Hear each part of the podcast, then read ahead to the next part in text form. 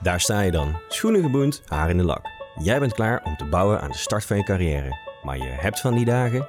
Soms maakt de koffie naar potgrond en kan de vrijmibo niet snel genoeg van start gaan.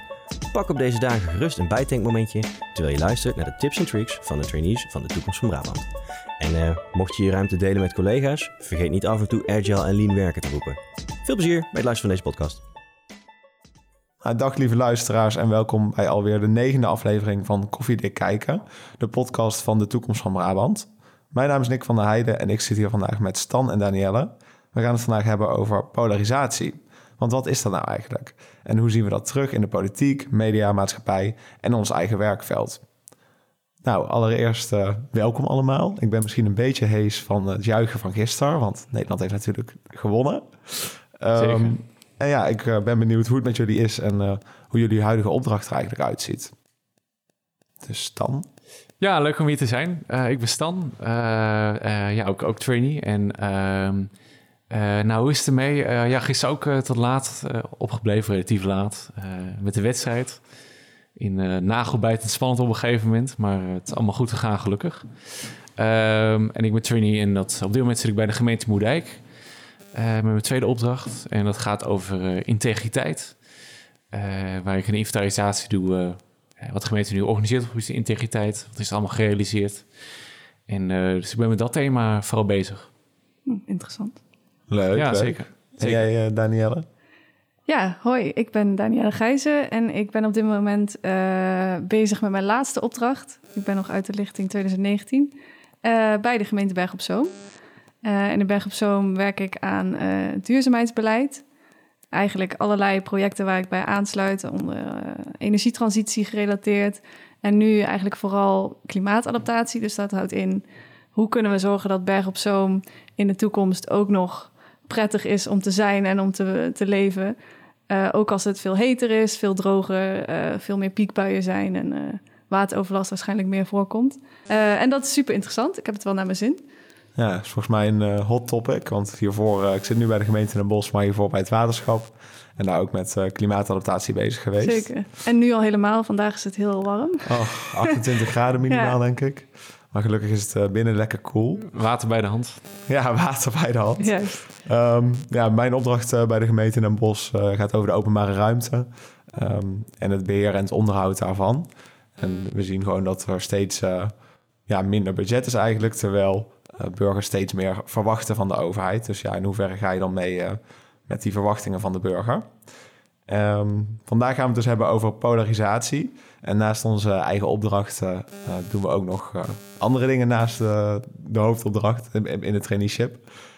en daarover weet jij meer, Danielle. Je hebt laatst een opdracht over polarisatie gedaan. Klopt, ja. We hebben met onze lichting in verschillende groepjes verschillende onderzoeken gedaan eigenlijk.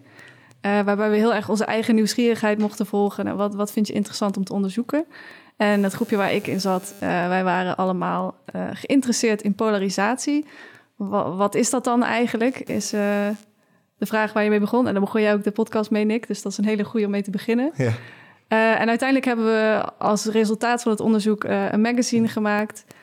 dat heet Middenin. En ik zal het even bij de kruidvat. ik wou net zeggen, je kunt het downloaden op de website uh, van het traineeship of via de socials vinden. Dus je zoekt op middenin. Ik uh, zou het zeker aanraden, maar ik ben misschien een beetje bevooroordeeld, maar goed. Um, en dus we zijn daar eigenlijk begonnen met uh, wat is polarisatie? En we hebben heel veel gehad aan het soort van framework wat een filosoof heeft ontwikkeld, die heet Bart Brandsma. en die zegt eigenlijk polarisatie is niet per se een staat van zijn. Dus het is niet zo van, oh, dit, dit debat is gepolariseerd.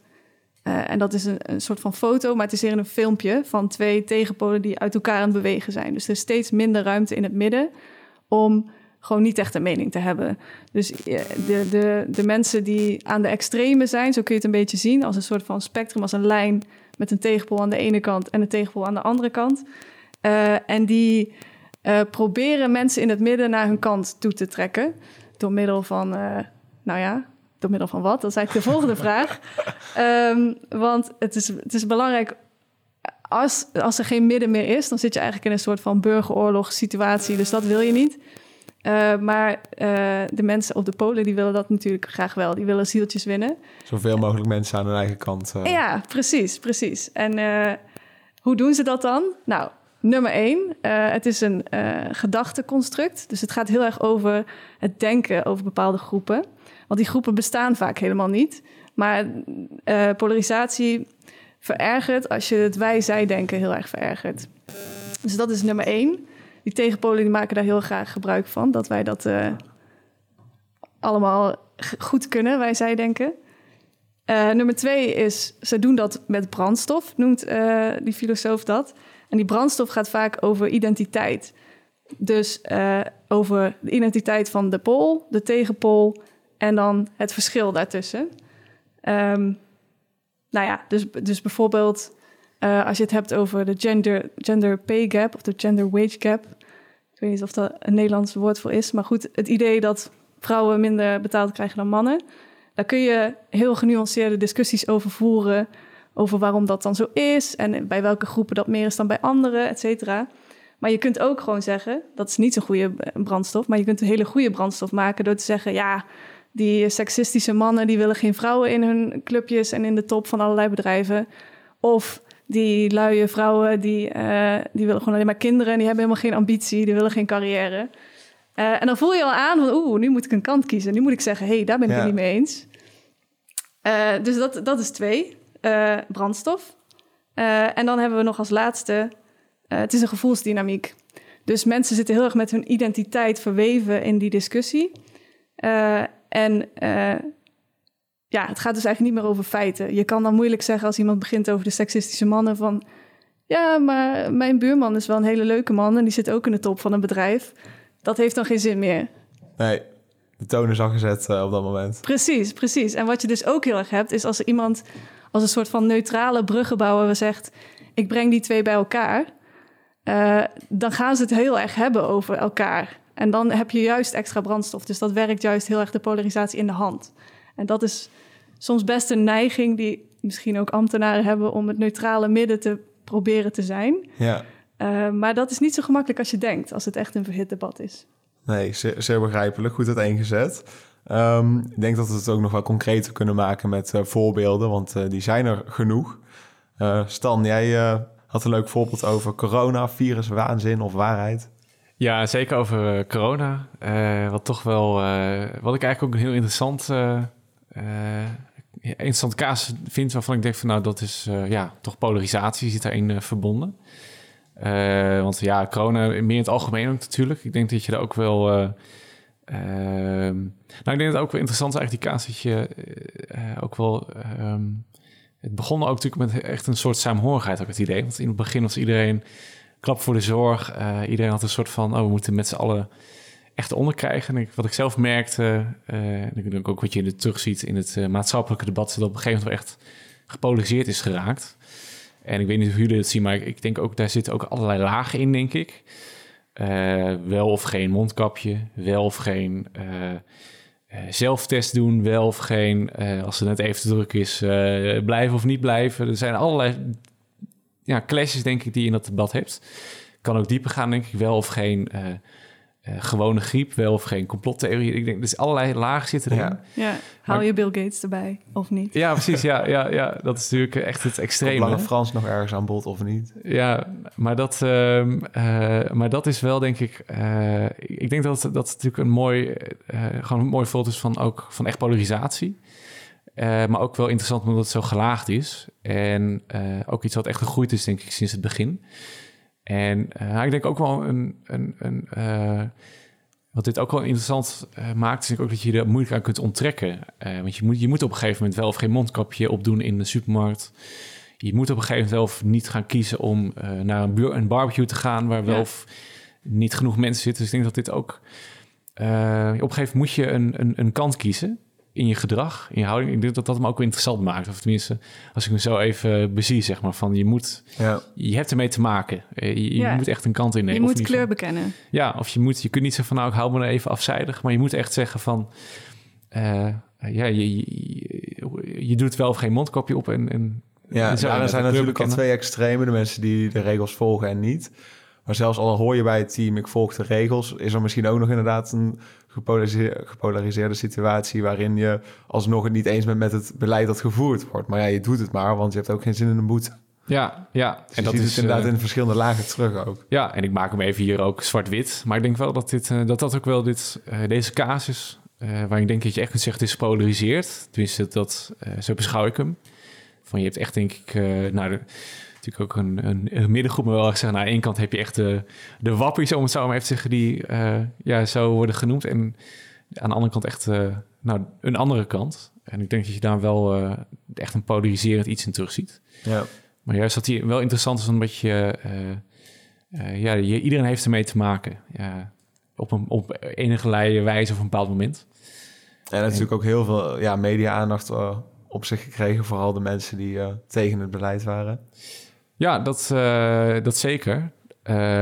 ik denk, ja, we hebben natuurlijk de avondklokrellen gehad. Ja. Of dat, dat relateer ik er dan aan. Um, en ja, natuurlijk de, de, de Malieveld-demonstraties. Gisteren natuurlijk ook weer een, een, een mars in Apeldoorn. Ja, nu weet iedereen wanneer het opgenomen is, maar dat EK ook al genoemd. maar uh, uh, dus je ziet dat wel, uh, je, je, blijft dat denk ik terugzien, ook inderdaad die kant. Ja, ja. ja en het, het interessante vind ik daaraan dan dus... dat hoe meer aandacht er is voor dat soort dingen hoe meer mensen ook de neiging hebben, weet je wel, om de andere kant te benadrukken. En dan vererger je dus de polarisatie. Dus de media in dit geval is denk ik een hele grote rol in uh, dat dat zo'n verhit debat is geworden.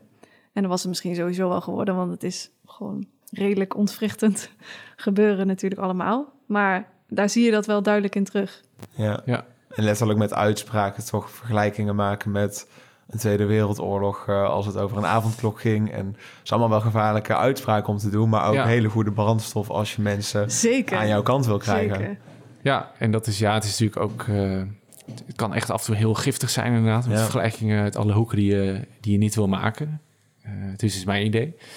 Um, en um, ja, en ook wel interessant vond ik, want ik las ook een artikel over dat je. Uh, over mensen die ook ineens in een omgeving toch ineens uh, van anderen hoorden hoe zij daar eigenlijk in stonden. En soms ook een verrast waren van, goh, is diegene wel of niet tegen ineens? Had ik helemaal niet gedacht. Ja. Ik heb het zelf niet meegemaakt dat ik verrast werd, maar ik denk dat hij daardoor ook in persoonlijke kring ook ineens heel erg duidelijk aanwezig wordt. Het, het, ja. het, debat over corona. En ik vond dat, uh, ik vond dat een interessant voorbeeld.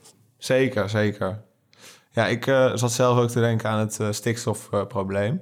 Ik weet niet, uh, oh, ja. ja. iedereen die bij de provincie werkt, die, uh, die kent het thema. En ik denk heel Nederland ondertussen ook. Um, maar in, uh, ja, volgens de Raad van State was in mei 2019 geoordeeld dat ja, onze, uitstoot niet, onze uitstoot niet voldoet aan de Europese regelgeving. te veel stikstof beschadigt ons ecosysteem, dus dat moest minder. En landbouw was de grootste vervuiler eigenlijk, dus die zou mo moeten worden aangepakt. Uh, dat is natuurlijk heel gevoelig voor een, een boerenland als Nederland. En uh, veel uh, protesten geweest of demonstraties met alle tractoren op het Malieveld. En zo'n Geert Wilders die er dan tussen komt staan en roept... ik ben trots op jullie. Dat vind ik weer zo'n typisch voorbeeld van... je ziet dat er in de samenleving iets gebeurt. er is een stikstofprobleem, dat zou schade aanleveren aan dier, mens en natuur uiteindelijk. En een politiek leider ziet daar een kans in, omdat het een bepaalde groep raakt, om daarop in te spelen. Ja. En ja, dat, daar word ik dan wel een beetje opgefokt van, maar... Hij, hij kiest duidelijk een kant, zeg maar. En, en ook dat, uh, daar was toch de hele trots op de boer-campagne. Ja. Dan denk ik ook weer, dat is wel echt gericht op de identiteit van... Uh, je bent een boer en uh, je leeft dat leven en je bent tegen uh, alle, nou ja, de regeltjes zucht, of hoe noem je dat? Ja, van zeker. de overheid. Ja, en ook wel interessant eigenlijk wat er, um, wat voor dynamiet er misschien er ontstaat. Want ik denk, je hebt nu ook de boer-burgerbeweging ja. in de Kamer.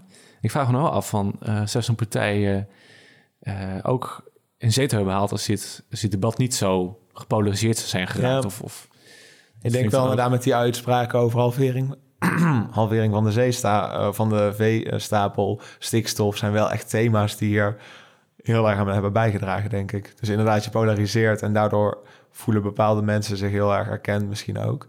Ja. Uh, waardoor zo'n partij ineens een zetel krijgt. Ja, want je moet wel, voordat je op de boer-burgerbeweging gaat stemmen, moet je realiseren dat jij aan de kant van de boeren staat. En als Ja. er geen geen schaakspel tussen die twee is, of, eh, dan hoef je dat niet te realiseren. Dan zou je er misschien ook minder snel op stemmen. Ja. Het is gewoon jammer dat zo'n eh, zo'n zo'n onderwerp, wat dan het stikstofprobleem, verplaatst gewoon heel erg van iedereen weet dat een boer super hard werkt. En daar gaat het niet om. Maar dat het zo wordt gebracht als eh, ja, hij, hen tegen elkaar, elkaar tegen elkaar opzetten eigenlijk. Wij tegen zij, dan eh, krijgt het een hele ja, giftige smaak toch weer afwending. Dus Ja, dat is zonde. zeker. Ja, ik werkte natuurlijk in het najaar van 2019 voor de provincie. Dus ehm, ik heb dat wel enigszins van dichtbij gezien. Dat wij eh, als ambtenaren werd ons gezegd van je moet nu die dagen dat de statenvergadering is, waar ze waarschijnlijk op afkomen, eh, dan moet je thuiswerken. Want wij weten niet of je aan het eind van de dag bij je auto kan of veilig met je fiets langs al die mensen kan lopen. Eh, en collega's van mij, die hadden dat stuk, dat beleidstuk wat toen besproken werd door Provinciale Staten, dat was hun stuk. Dus zij waren daar aanwezig en zij zijn gewoon, nou ja, opgesloten geweest in het provinciehuis. En eh, stonden eigenlijk lijnrecht tegenover eh, de boeren. Weliswaar met de ME ertussen, maar goed, maakt het misschien niet eens veel beter. Ehm, dus dan, dan merk je toch wel dat, ook al is het theoretisch een heel interessant iets, polarisatie, dat het ook wel echt heel reële consequenties kan hebben in de levens van mensen. Dus eh, ja, dat is toch wel, dat kan best wel heftig zijn. Ja, het raakt je inderdaad echt als, Ja. als boer zijn natuurlijk. Ja, maar ook als ambtenaar, want ik vind het ook wel interessant dat je meeste mensen die bij de overheid werken, die willen gewoon het goede doen voor de maatschappij. En als dan maatschappij dan een soort van jou aan de ene kant zet en zichzelf aan de andere kant en zegt wij zijn aan het strijden over de waarheid of over hoe we verder moeten, want jullie snappen het niet en jullie, eh, ja, jullie bedriegen de boel, eh, dan, ja, dan zit je ineens aan de ene kant, terwijl je denkt, oh, Ja. maar ik dacht eigenlijk dat ik voor jullie eh, bezig was. Ja, maar ik kan me voorstellen dat ook, want je schetst ook een kaas hoe je die, hoe je toch eh, die in zekere zin meemaakt dat je thuis moest blijven. Dat dat. eh, Dat was toen nog niet gebruikelijk. ja, overigens, ja, ja, dat, dat om zeker. thuis te het- werken. thuiswerken, dat is, het is nu heel ongebruikelijk om naar een plek te gaan. Maar dat is wel, eh, nou, dat is wel interessant dat je het zo ook dicht meemaakt. Want dat heb ik eigenlijk niet, dat ik echt denk van, in mijn werksfeer, dat ik, eh, polarisatie, dat het zo een opvlakte is gekomen dat echt mijn werk eh, heeft invloed of dat ik daar echt mee te maken had. Mijn opdrachten liggen ook vooral in, eh, een beetje in, ja, gaat over interne organisatievoering ook vooral. Kan ook natuurlijk poly, maar dat is niet aan de orde. Maar dat is wel. eh, maar ik heb hem zo, zo dicht is bij mij in ieder geval niet gekomen. Behalve natuurlijk het, ja, wat ik net schets van het debat, maatschap, maatschappelijk Ja. debat. eh, dat je meemaakt en ook hoe je zelf weer een keuze maakt. Ja. Maar Ja, dat, ik herken eh, inderdaad wel als je zo'n... ehm, als er zo'n situatie inderdaad is waarin je twee, twee kampen krijgt... zoals jij dat dan bij het provinciehuis eh ervaarde met ja, de boeren. Ehm, ik sta dan inderdaad door zo'n gepolariseerd, gepolariseerd debat of thema... heel erg aan de, aan, de andere, aan de andere kant inderdaad. En ik zie ineens iedere boeren toch een beetje als een probleem. Dus ik kom thuis bij eh, een vriendinnetje van me... die een boerderij heeft, of in ieder geval de vader... En met hem gepraat over stikstof. Omdat ik dacht, ja, jij moet toch gewoon de tent gaan sluiten. Stikstofprobleem is, eh, is hier. Dus, eh, en hij, hij weerlegde dat eigenlijk weer helemaal door zijn kant van het verhaal uit te leggen. En ik woon niet in, bij een natuurgebied. En dus heel erg inhoudelijk kun je dan best wel een gesprek voeren... waarvan je eerst denkt, oh, ik dacht echt dat het best zwart-wit was. Alleen dat ja, is dus niet. En dat is dus wel het gevaar inderdaad... om je daarvan bewust, zijn, eh, bewust te zijn, denk ik. Ja, nou als ik dan nog één keer het magazine eh, Mag promoten. mag aanprijzen. Eh, daar zijn wij ook echt achter gekomen. Dat we niet het podium wilden geven aan zwart-wit denkers, maar aan het grijze midden. En daarom heet het magazine ook Middenin. Eh, dus bijvoorbeeld een van de dingen die we gedaan hebben is ehm, een portretserie waarbij we mensen vragen hoe ze het ervaren hebben om middenin een soort van gepolariseerde discussie te staan. Eh, waaronder dus bijvoorbeeld een, een jonge boer die zegt van ja, ehm, ik begrijp heel erg de woede die eh, door de, zeg maar, bij die protesten naar boven kwam. Maar tegelijkertijd wil ik ook gewoon samenwerken met de overheid. En ik, ik weet dat zij ook wel het goede doen, maar ik heb het idee dat ze niet alle dingen weten die ik weet over mijn bedrijf. Ehm, eh, of bijvoorbeeld iemand als een arbeidsmigrant of een vluchteling of zo, waar hele heftige maatschappelijke debatten rondom zijn. Maar ja, zo iemand is er gewoon in Nederland en die gaat ook gewoon naar zijn werk of eh, naar school. Eh, dus die, die ervaring van polarisatie in het echt Ja. eh, gebeurt veel meer in het midden dan echt helemaal aan de extreme. Ja. Ja, ik denk nog voor, voor mijn opdracht. In deze opdracht weet ik niet of dat het heel erg naar voren komt. Dus voor de gemeente Den Bosch. Maar ik eh, vond het belangrijk. Het gaat heel veel over burgertevredenheid en dus de openbare ruimte. eh, om dan ook de wijken mee in te gaan. En je ziet daar dus heel erg als je met een ja, ervaren wijkmanager mee fietst die de mensen goed kent. Um, iedereen maakt een praatje met hem, is hartstikke gezellig. Maar tegelijkertijd maakt hij zelf al grappen van... eh, hij, zag, een- hij zag een vrouw met een kindje en even kletsen. Nou, hoe gaat het met, eh, met je dochtertje? Eh, ze wordt later wel ambtenaar, toch? Als het een beetje goed bekijkt. Dus hij haalt zelf natuurlijk ook die grappen aan. En dat is enerzijds denk ik heel erg leuk, want dat houdt het heel luchtig. Maar achter iedere grap zit ook natuurlijk een kleine kern van waarheid. En dan wil ik niet zeggen Ja. dat dat heel relaxed werk is om ambtenaar te zijn... maar dat dat beeld dus heerst bij, bij andere mensen. Ehm, dus ja, inderdaad, je kunt daar weer, weer twee kanten in, eh, in opgaan, denk ik. Maar verder geen heel specifiek voorbeeld waar, eh, waar het zo uit de hand liep. eh, werkgerelateerd in ieder geval. Nee. Gelukkig maar, denk ik. Ja, Eh, we hebben misschien nog een aantal uitspraken waarin ook duidelijk naar voren komt, ja, ehm, hoe dan gepolariseerd wordt. Dus eh, we moeten de veestapel halveren. Eh, of Rutte te- tegen voetbalsupporters van eh, gewoon je bek houden. ja, recht door zee. Maar dat zet inderdaad wel weer mensen op een bepaalde manier weg. Eh, Wilders is natuurlijk ook een, eh, een ster erin met minder minder. Ehm, ja, dat zijn allemaal denk ik uitspraken waar niemand heel gelukkig van wordt. Eh, maar wel duidelijk aangeeft dat er een, ja, een verschil is. wa- Waarbij politiek leiders toch mensen aan hun kant willen krijgen. Ehm, even kijken. Nou, nu benadrukken we natuurlijk ook best wel wat negatieve aspecten van polarisatie. Maar kan het ook positief zijn? Er zijn ook voorbeelden waarbij het misschien juist goed is om te polariseren. Ik weet niet of een van jullie twee daar een Eh, bij heeft. Ik denk zeker.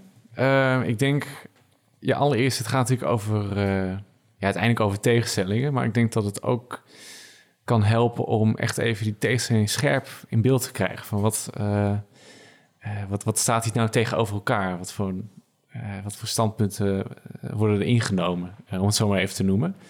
Eh, we hebben natuurlijk al eh, wel aangegeven van het is allemaal, kan ook grijs zijn. Het is allemaal grijs, allemaal genuanceerd. Maar wel even van toch kort even inlichten van wat, wat is nou hier de discussie. Ehm, en ehm, nou, bijvoorbeeld ik denk ook aan, eh, aan, aan even een zijroute, maar bijvoorbeeld een, een, een verkiezingsdebat. Dan kun je ook zeggen van het heel kort. Is allemaal heel kort eh, stellingen aanvoeren en bij spreken je eigen zegje doen. En wat is dat nou voor een debat? Maar ook een manier om heel even kort scherp eh, te stellen van welke kanten zijn er nou. Ik denk dat polarisatie ook zo'n eh, in zekere zin ook zo'n effect kan hebben. Dat je als, als je niet, er niet van af weet, toch even weet van welke keuze, welke kanten eh, Ja. kan het opgaan, dit Ja. debat. Welke, wat, wat is er te kiezen, om het zo maar te zeggen. En even met de disclaimer dat het allemaal genuanceerd is, maar ik denk dat het daardoor wel een soort signalerend effect bijna kan. Ja. In ieder geval wat, wat, wat staat tegenover elkaar. Je Ja. ziet denk ik ook bij zo'n stellingen of, zo'n of een tv-debat voor in verkiezingstijd... dat eh, alsnog die stellingen redelijk in het midden worden gelaten. Of eh, dat er, ja, sommigen komen natuurlijk wel... die kunnen heel duidelijk een antwoord geven... omdat ze een achterban hebben die daarvan houdt. Eh, maar ik denk dat de gemiddelde politici daar toch wat voorzichtig dan in is... om echt een, een kant te kiezen bij een stelling. Nou ja, ik denk wel, ehm, zeg maar, hoe ik het aan het begin stelde van wat is polarisatie? Dus iemand die een mening heeft en wil dat andere mensen zich bij hem voegen die nu nog niet een mening hebben. Nou ja, dat klinkt ook wel heel erg als verkiezingen, zeg maar. Dus ik, ik kan me best voorstellen eh, dat, dat, ja, dat het inderdaad ook wel helpend kan zijn als je gewoon een scherpe stelling hebt en Ja. dan mensen maar zegt, oké, welke kant sta jij daarvan? Eh, zolang het maar niet volledig over de identiteit van die groepen gaat. Of, of dat het echt twee duidelijke groepen zijn, maar eerder gewoon een maatschappelijk debat. Kijk, een Ja. debat is natuurlijk niks mis mee. Ja, Eh, Ja. Vind ik zeker niet. Ja, ik denk inderdaad, eh wat, voordat ik signaleer was echt op de inhoud, denk ik. Dan denk ik dan vooral aan van, goh, eh, bepaalde, op een bepaald beleidsdossier, wat, wat vraagstuk, maatschappelijk vraagstuk, wat zit er op inhoud voor verschillen? Eh, maar ik, ik denk dat het ook een mooi startpunt is, maar het is natuurlijk niet... en dan startpunt voor iets dat je denkt van, nou, wat, vanuit deze invalshoeken, hoe, wat valt er nog meer onder? Eh, ik denk niet dat... Het is goed als het niet zwart-wit blijft, om het zo maar te zeggen. ja. Eh, maar dat daar, eh, en dan valt de inhoud wat je, ik denk tegen de dynamiek ook daarin aangeeft. kun je ik die tegenstelling ook Ja. scherp even, even neerzetten. Dat je even Ja. weet van wat, eh dus wat de inhoud, wat zijn de verschillen. Ja, ik ben daar denk ik zelf ook wel schuldig aan gewoon. Want eerst had ik geen vlees. Ik vond het zielig voor de dieren, echt nog jonger. Nou, daarna eh, zag wat met het klimaat deed. Eh, dan zie je, oh, het is ook niet per se heel gezond om heel veel vlees te eten. Dus je verdiept je heel erg in één kant steeds. En dan eh, ja, word je toch een soort van ambassadeur van niet vlees eten. En ga je iedereen uitleggen waarom het echt veel beter is om dat ook vooral niet te doen. Ehm, dus dan ja, word je ook wat minder genuanceerd. En dat merk ik wel Ja. echt bij mezelf. Ja. ja, maar dat is, het, dat is denk ik ook wel goed om even te zeggen. Dat het niet per se zo is dat het altijd helemaal toxic en helemaal slecht hoeft te zijn, polarisatie.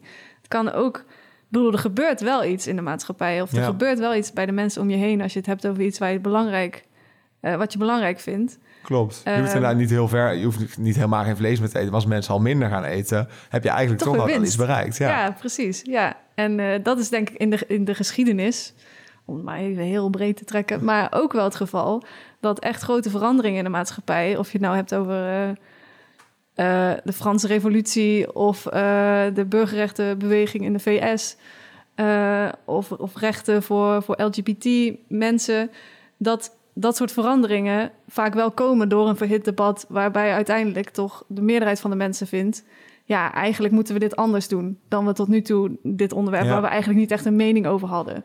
Of misschien wel een verkeerde mening eh, Ja. achteraf eh, hebben. Dus het, het kan wel. Misschien eh, inderdaad wordt te polariseren door gewoon heel veel informatie te verschaffen en duidelijk te laten zien van wat er nu gebeurt is eigenlijk niet oké. Dan kun je inderdaad misschien wel mensen allereerst wat, wat, wat leren en dan hopelijk aan jouw kant krijgen. Ja, precies. Het Ja. zet wel iets in gang. En als Ja. dat nou iets positiefs is, dan, Dan is het goed. dan is het goed. Ja.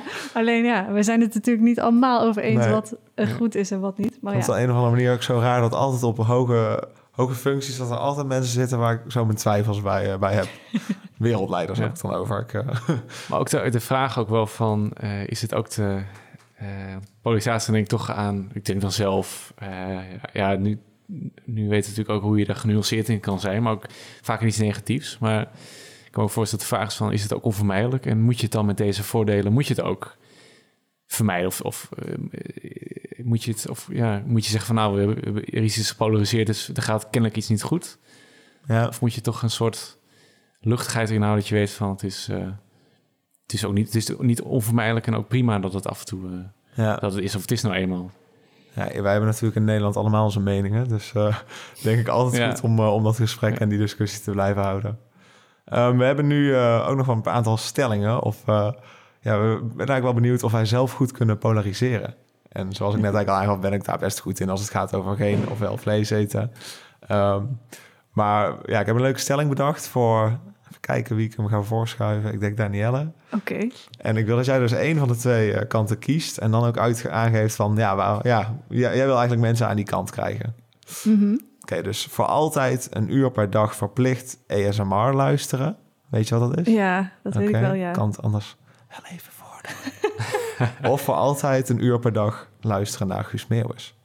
Oh, dat is heel makkelijk. ja? Ja, ik heb echt een hekel aan ASMR. Oh. Mensen die ASMR luisteren, kijk, nou ga ik polariseren. Volgens mij zijn die helemaal goed. nee, dat is flauw. Maar, eh, en Guus Meeuwis, ja, Guus Meeuwis is eh Brabants trots. Toch? Ja, Dus Stan, als, heeft jou, eh, eh, ben je het er nu mee eens? Nou, ik luister heel vaak ASMR, dus ik vond hem wel... Nee, het is wel een geitje. Goed, Eh, ik bedoel- oh, ja, ik denk het wel. Ja, ik, eh, ik ben overtuigd. Kijk, mooi. Goede brandstof Ik zou aangeleverd. eh, dezelfde, dezelfde kant kiezen. Oké, heb jij nog een leuke eh, stelling, Stan? Ja, dit is... ehm, eh, dit zijn... eh, ik heb wel een, een, of een, meer een dilemma, maar dat wil ik wel... eh eh, nou, Da- Danielle misschien vragen om een kant eh, te Alweer? kiezen. Ja, we kiezen jou. Oké. Ehm, het gaat, ja, het is, het is gewoon een, eh, een, een, een- ik, ik moest denken aan het weer eh, buiten. Het is nu warm nu, dus ik dacht daar, daar, eh, daardoor een beetje geïnspireerd. Oké. Het is eh, eh, nooit meer insmeren met zonnebrand of iedere dag een zelftest doen. Ieder uur een zelftest doen. Ieder uur. Jeetje. Wordt leven in de schaduw, denk ik.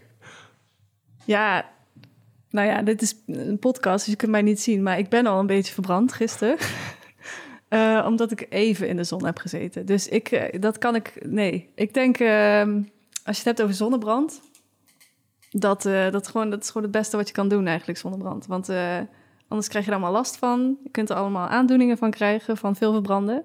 Belast je het zorgsysteem mee. Die mensen kunnen dat echt niet gebruiken. En hoe kun je Dus, daar nou tegen zijn? daar kun je toch niet tegen zijn. Iedereen is voor de zorg. Ehm, en dat is eigenlijk hetzelfde als de zelftest. Dan eh, belast je misschien ook eh, de GGD wat minder. Hoewel het echt vervelend is om te doen natuurlijk. Maar ja, dat Hoort neem je dan erbij, maar voor lief. ja. Ja. alles voor de zorg. Oké, goeie. Heb jij nog een eh, stelling, Danielle? Ja, ik had een beetje de- het anders geïnterpreteerd. Oké, nee, helemaal maar ehm, ik ben wel... Oké, Nick. Ja. Ik vraag aan jou. Heb je liever blauw haar of geen haar? Oei, dit is een hele gevoelige. Ehm, dan ga ik denk ik toch voor blauw haar. Want geen haar is verschrikkelijk. Als ik iedere haar die uitvalt, laat ik een traan. En ja, ik denk dat iedere man dat begrijpt, toch? Vrouwen die kunnen zich opmaken, die kunnen zich helemaal leuk aankleden. En wij mannen moeten het maar hebben van ons haar. Dat is het enige waar we iets leuks mee kunnen doen. Dus ja, blauw haar is dan een geweldige uitkomst. Oh, wat een, wat een stellingname. En, eh, en jij, Stan? Ehm, nou, ik vind, dat, ik vind dat ook wel een, eh, een goed argument. Eh, want dan kun je nog een beetje, ja, dan kun je net nog iets mee doen. Gewoon knippen of zo, je, het, het is helemaal blauw. Ehm, en eh, je hebt dan in ieder geval geen grijs haar eh, op den duur. Eh, dus ik denk, ja, ik denk dat, wel mee, dat ik het wel mee eens ben. Ja, een beetje leuk stijl bij je outfit. Ja, ik denk dat het wel, wel goed komt dan. En Brabant is natuurlijk helemaal inclusive, toch? Ja, Ja, helemaal hip Je valt wel op in ieder geval eh, op straat, denk ik. Oké, nou goed om... eh, de, ja, we zijn blijkbaar best goed in polariseren, want we krijgen elkaar in ieder geval mee. Ehm, er geen, eh, ontstaat geen ruzie nu. eh, in nee, precies. geval. Het Valt is nog mee, steeds een hele gemoedige sfeer. Dus eh, even kijken. Stel het zou wel eh, oplopen, onze discussies en onze debatten. Wat we natuurlijk wel zien eh, ja, in de politiek of maatschappij. Hoe kun je dan depolariseren? Danielle, ja dat is natuurlijk eh, de hamvraag. ga je weer eh, Eh. promotie doen nu voor je... Nee, dat ga ik eigenlijk niet doen, maar ik kan het nog wel een keer noemen. Nee, maar wat, wat heel goed is om te doen, is als je wilt depolariseren, is om juist niet met de uiterste in gesprek te gaan en dan helemaal niet om die bij elkaar te proberen te brengen, Ehm, maar om veel selectief te zijn in wie je uitnodigt voor je gesprekken. Dus al verander de doelgroep. Dus echt, wat is je strategie voor uitnodigen en niet een open uitnodiging, want dan komen de, de schreeuwers daarop af. Ehm, en eh, als je dan die mensen bij elkaar hebt die meer in het midden zijn, die eh, wel nog, eh, nou ja, niet heel erg aan één kant staan in ieder geval.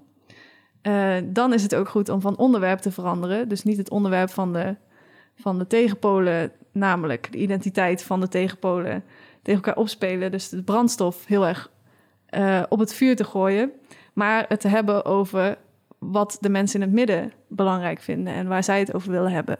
Dus als je in een buurt hebt waar heel heftige eh, spanningen zijn tussen verschillende groepen, zou je bijvoorbeeld kunnen zeggen: dan nodigen we de mensen uit die we normaal niet zoveel horen. Eh, en hebben we het bijvoorbeeld over de veiligheid in de buurt voor de kinderen. Want daar kan iedereen het wel over eens zijn dat het belangrijk is. En kunnen we kijken wat kunnen we daaraan doen. Dus dan los je een soort van de polarisatie op door er eigenlijk geen aandacht aan te besteden. Of in ieder geval niet Ja, eh, zo, zo direct.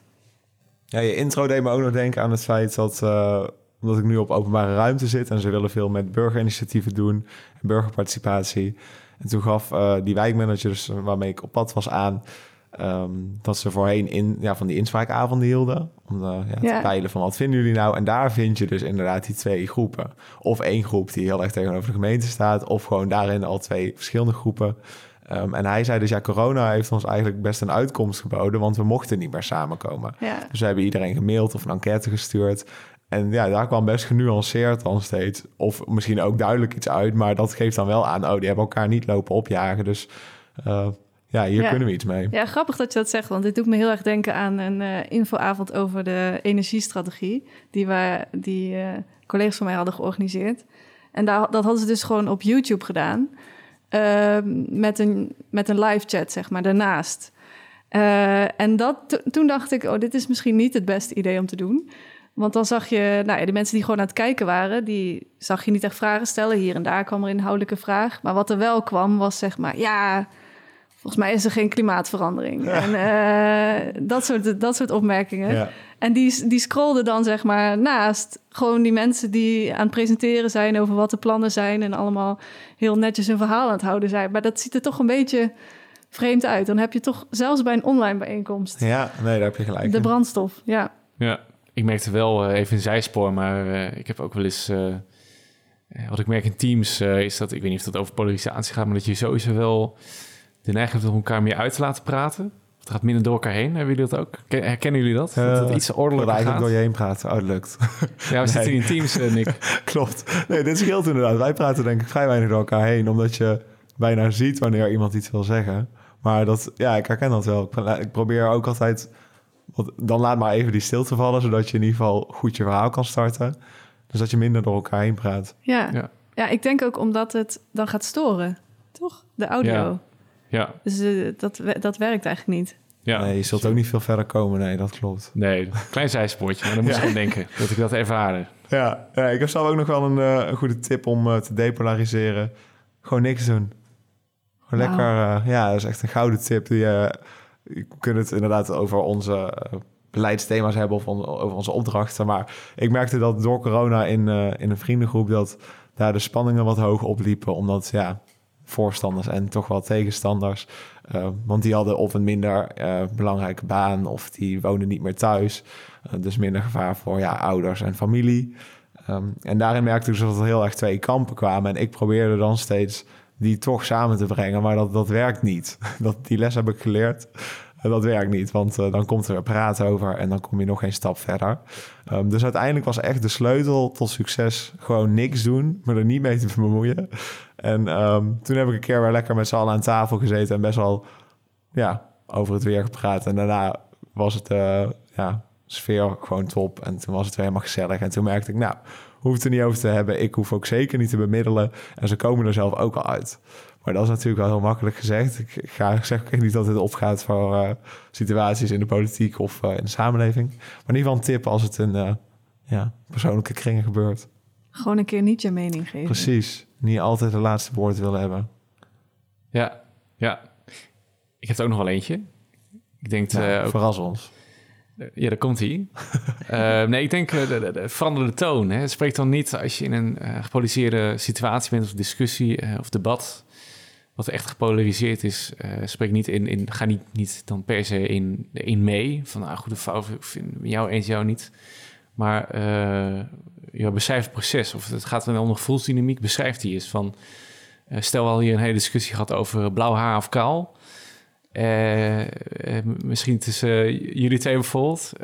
ja, had ik ook kunnen zeggen, nou, niet het een of het ander, maar ik merk dat hier, dat hier heel erg verhit is. En ik observeer dat en, nou, en, en, en, en- en misschien dat je er vanuit daar kunt zeggen, nou, wat, hoe komt dat? Zit er iets onder? Ja. Of, Gewoon vragen naar het gevoel wat... eh, ja, Ja, ja, ja. Een, beetje, ja, een beetje mediation-achtig. Maar in ieder geval, dat eh, kan ik ook helpen. Om als je, zeker als het op een microniveau eh gaat, echt in een gesprek misschien of in een situatie, om dan echt even te benadrukken van wat, wat, wat voor dynamiek eh, valt mij op. ja, En dat, eh, dat eigenlijk mee te geven. Ik denk dat je dan vaak ook wel eh, eh, toch even de angel uit de discussie haalt en dan eh, ja, eh, op betere voet verder kan. Of dan ja naar- naar- zeker. midden Dynamiek toe. goed aanvoelen en eh, inderdaad luisteren naar het gevoel misschien soms. In plaats van de feiten en de, ja, Ja, argumenten. ja, wat zit eronder? Welke, even die wat staat op het brandstof, spel? Waarom eh, reageer je zo? Ja. het is er voor, hiervoor gebeurd of noem maar op. Ja, goeie. We hebben ook altijd een standaard eh, onderdeel van de podcast en dat is het eh, kantoorjargon. Oh, leuk. En ehm, ja, hier hadden we het al heel even kort over eh, tijdens een eh, ja, eerdere sessie. Maar ehm, wij kwamen op het blauw zijn uit. En ik riep dat eigenlijk omdat ik dat las. Terwijl een vriend van mij die schrijft altijd eh, columns en daarin haalt hij best vaak kantoorjargon aan. Moet zeggen, ik had niet goed, goed, goed genoeg gelezen of opgelet om toen al meteen te komen met de uitleg van blauw zijn.